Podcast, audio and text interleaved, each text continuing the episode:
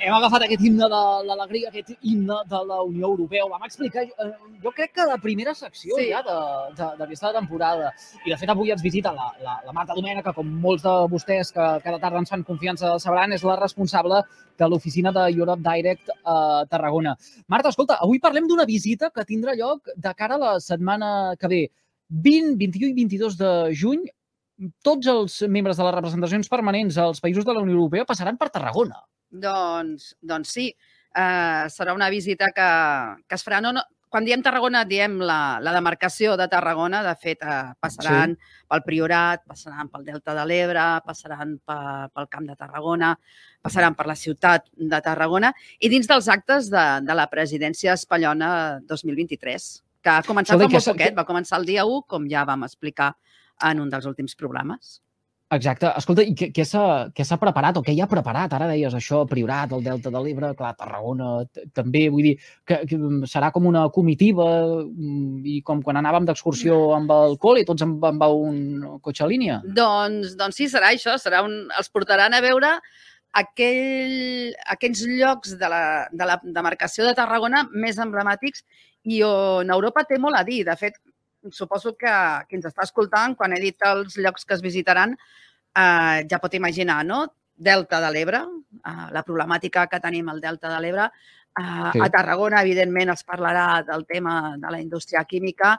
Eh, al Priorat es parlarà del tema de la reindustrialització de tota la, la indústria relacionada amb el món vitivinícola i, mm -hmm. i després, eh, pel que fa, per exemple, a la ruta del Cister, eh, tot allò que té a veure amb la cultura, amb la preservació de la cultura a Europa, és molt important també. Per tant, mm, a Tarragona podran tocar molts diferents temes. És una visita de la qual no se'n parlarà massa i és per un tema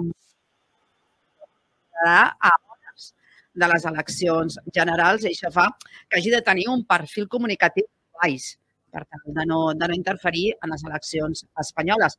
Però això no vol dir que no es faci, tant que, que es farà i esperem que, que tingui uns, uns bons resultats. Escolta, per tant, les eleccions espanyoles han condicionat moltíssim com serà aquesta visita. Això vol dir que si no hagués estat pels comicis del 23J, eh, no sé, haguessin vist un eh, Pedro Sánchez eh, capitanejant i fent d'ambaixador de... o no? No, això no, no crec perquè, bé, ara el nostre altre convidat ja, ja ens explicarà què implica per un estat eh, la presidència del, del Consell. Eh, no, no hagués vingut aquí Pedro Sánchez ni, ni cap dels ministres, perquè tots ells estan amb, amb reunions ministerials també amb altres ministres dels diferents estats mm -hmm. membres. Però segurament que sí, a nivell comunicatiu doncs, hi hagués hagut molta més presència. De fet, a nosaltres, per part nostra, per exemple, ens hem limitat a, a posar aquesta setmana un cartell informatiu a, a la Rambla Nova de Tarragona. Ai, ai, ai, les eleccions i les campanyes. És que estem cansats ja, si us plau. Eh, deixeu-nos respirar els que ens dediquem a la comunicació, amb tant de... a correus també. Uh, avui doncs nosaltres uh, estem treballant. Uns mal de caps. Estem treballant de forma paral·lela amb unes altres eleccions ja, eh? I ja fa dies que estem treballant amb les del 2024, les del 9 de juny de 2024, eleccions al Parlament Europeu no respirem. Pràcticament eh, estem, de fet, estem fent la campanya de la presidència espanyola i de les eleccions de forma paral·lela. Déu nhi eh? En fi, d'això ja en parlarem un altre dia, però uh, la, la Marta deia, uh, diu, el nostre següent convidat o el nostre convidat d'avui, la Marta avui s'ha buscat reforços en aquesta última secció de la temporada abans de marxar de vacances i és el professor de Dret Internacional Públic i Relacions Internacionals de la Universitat Rovira i Virgili, Alfonso González. Molt bona tarda, benvingut al carrer Major de les emissores de la xarxa al Camp de Tarragona. Molt bona tarda. Ui, no el sentim. No sé si és que no el tenim silenciat. No em sentiu? No problema? A veure... Ara sí, ara sí. Sí? Ara sí, perfectament. Uh, ja, ja el sentim a la, a la perfecció. Uh, mira, comencem, si, si us sembla, comencem a, a desgranar, posar noms i cognoms a les, a les coses. Això ho hem anat fent al llarg de la temporada. Jo crec que ha estat molt enriquidor perquè hem après sobre uh, la Unió Europea. Consell. Va, agafem, agafem aquest, aquest Consell. Què és el Consell de la Unió Europea?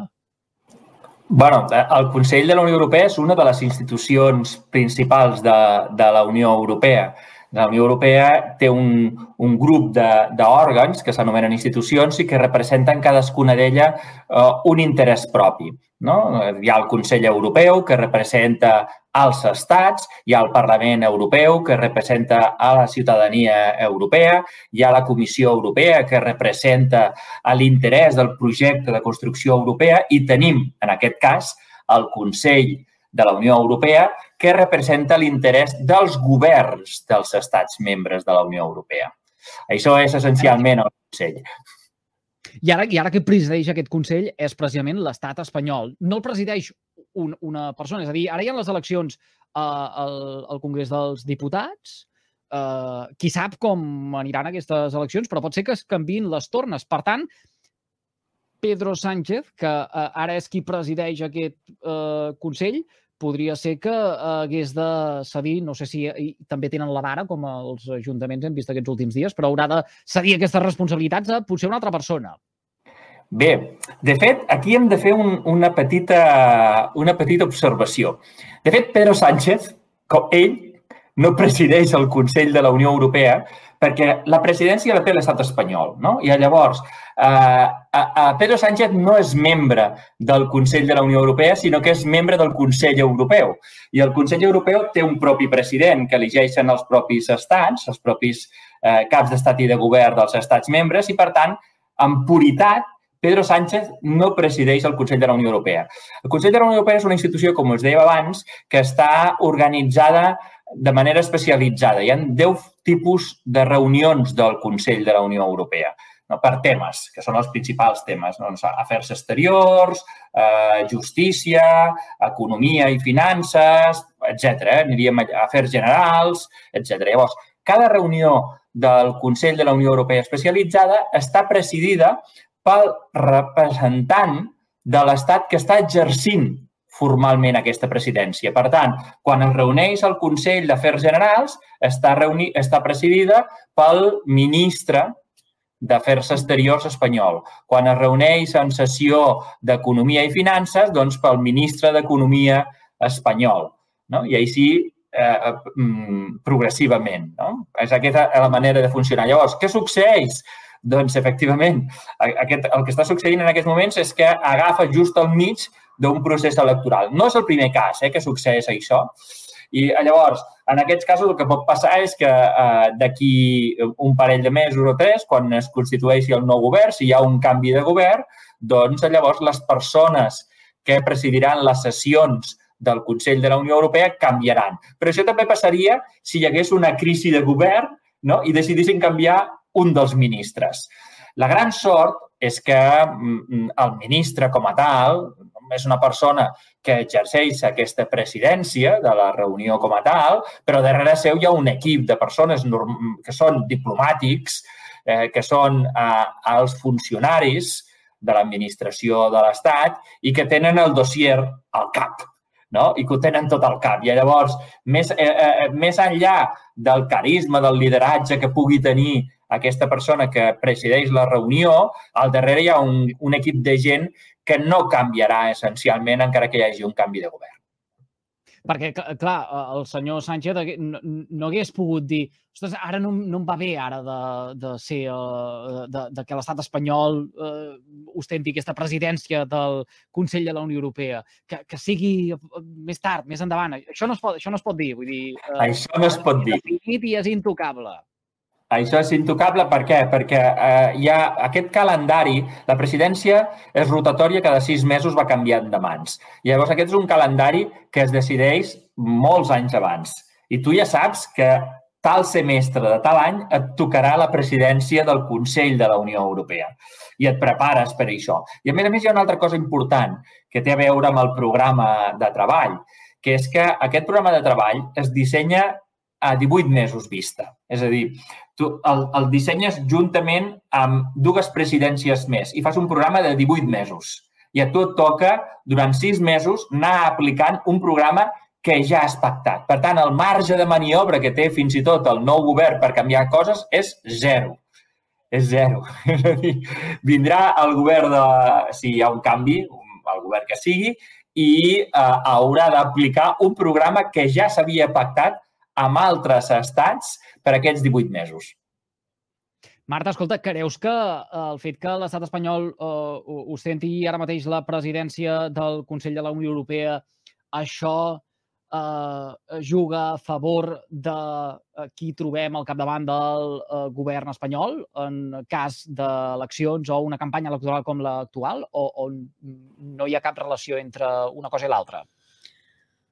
Home, a, a banda dels espais electorals, com la presidència europea té molta presència en els mitjans de comunicació, això vol dir que es multiplica la presència de l'actual govern espanyol en els mitjans i, per tant, jo crec que sí que amb més gran o, o menys impacte eh, el pot tenir. Em sembla que sí que, que els pot afavorir una mica. No crec que sigui decisiu el que en aquests moments eh, hi hagi la presidència espanyola i les eleccions, però bé, eh, t'ajuda a estar més present en els mitjans i, a més a més, amb uns missatges que jo crec que durant, com a mínim durant aquests 15 dies seran bastant positius.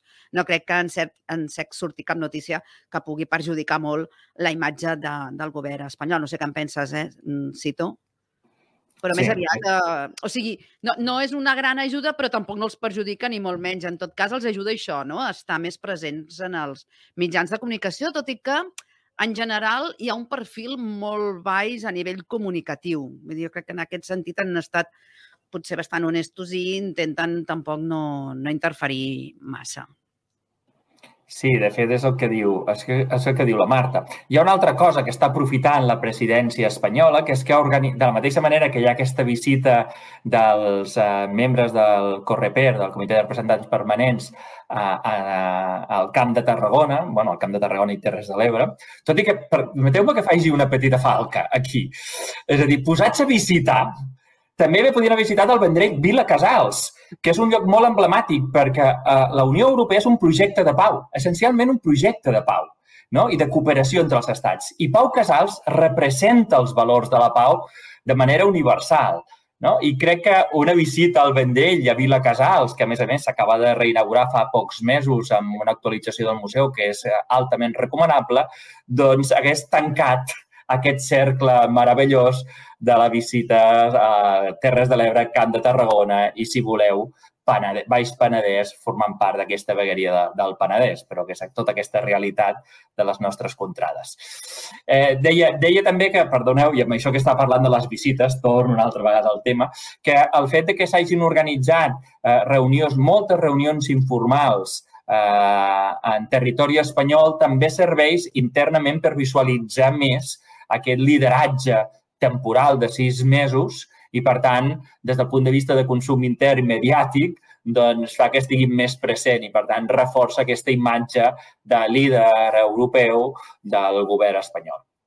De fet, no, no fa massa, eh, també va passar això, perquè ho van viure amb Macron. Macron també va tenir la presidència a l'estat francès i enmig hi van haver unes eleccions, per tant, i, i que a més a més va coincidir si us en recordeu, en, uh, amb l'inici de la guerra amb Ucraïna. Per tant, allí Macron sí que va tenir una presència molt important mm. en els mitjans de comunicació. Evidentment que, que s'aprofita i que, que s'aprofita cap, a, cap a positiu, no, no tant cap a negatiu. Més enllà de l'efecte mediàtic, que és el que estem explicant uh, ara, coincidint, doncs, uh, això, eh, una cosa amb l'altra, uh, l'estat espanyol d'aquests sis mesos que ostenta la presidència té, té beneficis? Té algun eh, retorn? Eh, aprofitant que qui porta la batuta eh, és eh, precisament algú que coneix el territori, eh, pot escombrar cap a casa o, o eh, això no va d'aquesta manera? Uh, bueno, jo tinc una teoria que és la següent, que és, són els intangibles no, d'aquestes coses. Hi ha, hi, ha, hi ha una cosa que està clara. Quin és la, el principal paper que exerceix la presidència de la Unió Europea? Doncs, essencialment, eh, eh, juga un doble paper intern en el marc de la Unió Europea. El primer és que eh, intenta apropar posicions en el marc del Consell de la Unió Europea. És a dir, quan els governs estan tractant temes en el marc del Consell de la Unió Europea i hi ha moltes diferències, la presidència el que fa és de mediador, apropant posicions i intentant aconseguir que finalment s'arribi a un acord en el marc del Consell de la Unió Europea. I d'una altra banda, la presidència del Consell de la Unió Europea representa aquesta institució eh, en els processos d'adopció d'actes legislatius. quan dialoguen, quan negocien el Consell, el Parlament Europeu i la Comissió Europea. Llavors, què succeeix? Que si durant la teva presidència tu has estat capaç d'aprovar posicions, d'aconseguir que eh, les posicions del Consell de la Unió Europea es tinguin molt presents a l'hora d'aprovar normes en el marc de la Unió Europea. Això et dona un prestigi intern que després, durant uns quants anys, pots utilitzar per defensar els teus propis interessos que seran molt millor rebuts per part dels estats perquè tu tens un prestigi polític que has aconseguit durant aquest temps que has de poder aprofitar, o has de saber aprofitar, o has d'intentar aprofitar.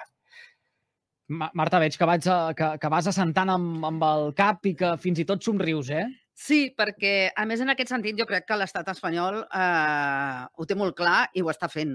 El, el paper de, del president Pedro Sánchez a Brussel·les cada vegada ha estat més, més important i, i és això que diu el Cito, no? de que el que estan buscant és que, que tingui una presència després en, o, o una més que una presència que, que quan des d'aquí eh, es diguin segons quines coses, doncs s'escoltin d'una forma diferent que si s'estan dient des d'un de, des altre país.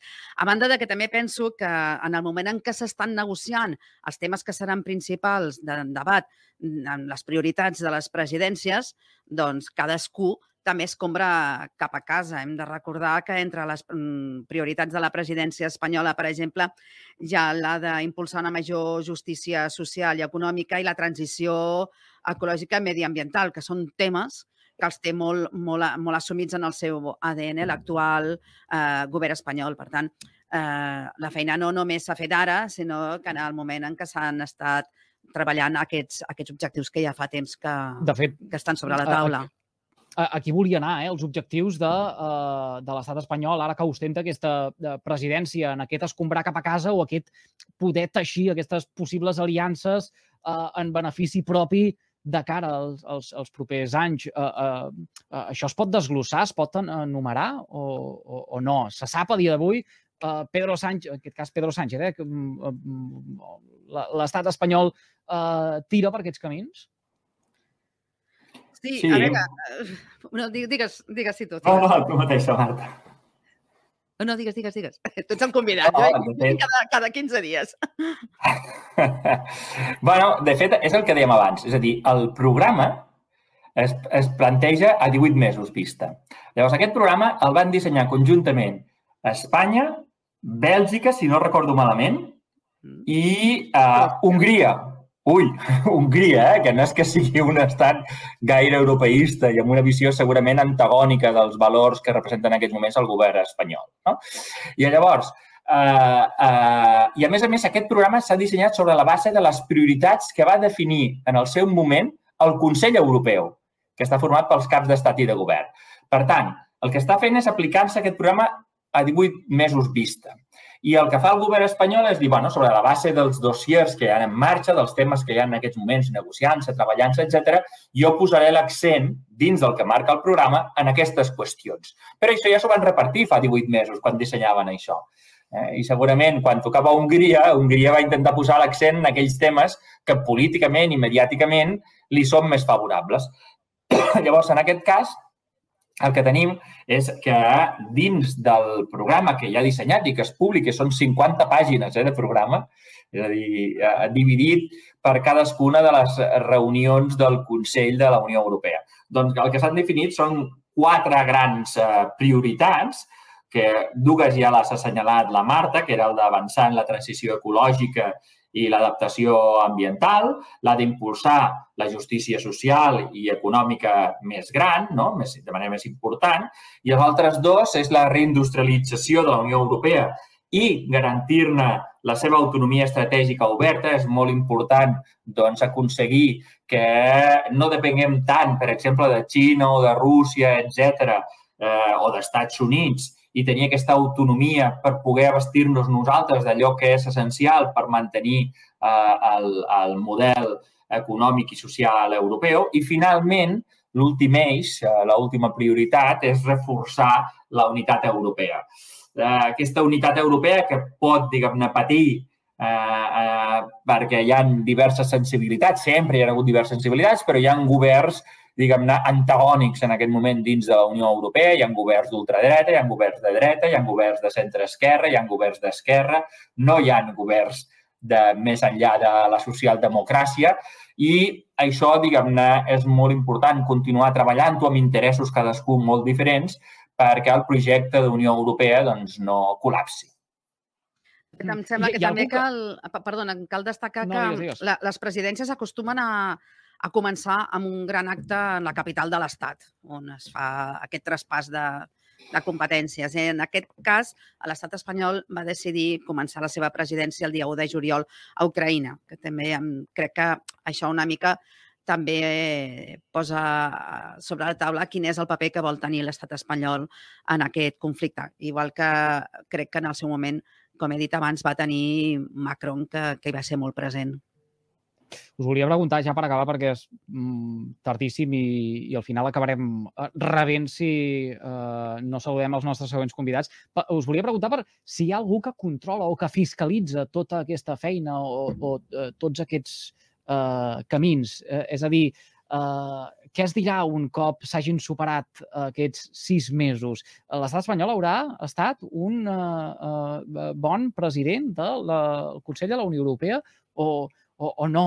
Qui, qui posa nota en tot això i diu sí, es progressa en tot allò que es va dir o no? S'ha fet tot el contrari bueno, és un control informal aquest, eh? És a dir, aquí hi ha diverses coses. D'una banda, les institucions es vigilen entre elles. La Comissió vigila que fa el Consell, el Parlament Europeu vigila, vigila que fa el Consell i la Comissió, etc. És a dir, totes es vigilen entre elles.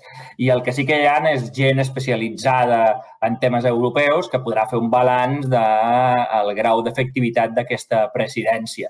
També s'ha de dir que normalment les presidències no fracassen eh? perquè, per ho que dèiem abans, eh? perquè, perquè això és un transatlàntic que porta ja un ritme eh, molt marcat, perquè darrere hi ha gent que treballa aquests dossiers eh, més enllà fins i tot dels propis governs i, per tant, eh, bueno, es pot aconseguir més coses o menys coses, però té més a veure no amb la presidència, sinó també amb la conjuntura política del moment. De fet, si, si recordeu molts dels programes en els que hem estat parlant de les prioritats de la Comissió europea, europea del govern de, de la Unió Europea, són molts els que ja també hem dit com a objectius de la presidència espanyola. Per tant, no difereix tant, és això que diu el, el Cito, no? de que tots van caminant cap, a, cap al mateix camí, cap a la mateixa meta. Alfonso González, gràcies per compartir aquesta estoneta avui amb eh, nosaltres i ser còmplice d'aquest espai que cada 15 dies oferim amb la Marta Domènech de l'oficina de Europe Direct a, Tarragona. Un plaer. Un plaer també per mi. Moltes gràcies per, per convidar-me. I Marta Domènech, gràcies també a tu. Escolta, gràcies per aquesta temporada haver-nos fet confiança. Ha estat un goig poder uh, aprendre uh, del teu bracet uh, perquè a la Unió Europea som tots, això ens ho vas dir el primer dia, però alhora l'observem o la veiem molt lluny.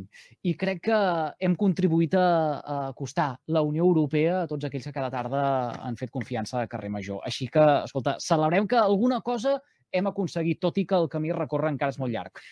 L'agraïment és nostre, eh? perquè no és fàcil tenir en un mitjà de comunicació un espai com aquest i, i ens agrada molt perquè eh, fer entendre el que és la Unió Europea per la ciutadania no és fàcil. Ho hem dit sempre, la Unió Europea és una cosa que la veiem molt lluny, com a, que està molt, molt separada de la, de la realitat del nostre dia a dia i, en canvi, és, és del tot eh, diferent. El nostre dia a dia s'està decidint a les institucions europees. Per tant, està molt bé poder tenir l'oportunitat d'anar-ho explicant això a poc a poc, tot i que hem acabat amb aquest tema que potser sí que se'ns escapa una mica de, de la realitat del, del carrer, no? però que, que és important que coneguem com funcionen les, les institucions que decideixen el nostre futur. Marta, un plaer. Gràcies aquesta temporada per haver-nos acompanyat a, a Carrer Major, el programa de les emissores de la xarxa al Camp de Tarragona. Una abraçada ben forta fins als estudis de Ràdio Ciutat. Eh, que tinguis un molt bon estiu. Reposa, descansa, eh, fes vacances, eh, desconnecta, tot això que es diu ara en aquesta època. Moltes gràcies i bon estiu a tothom.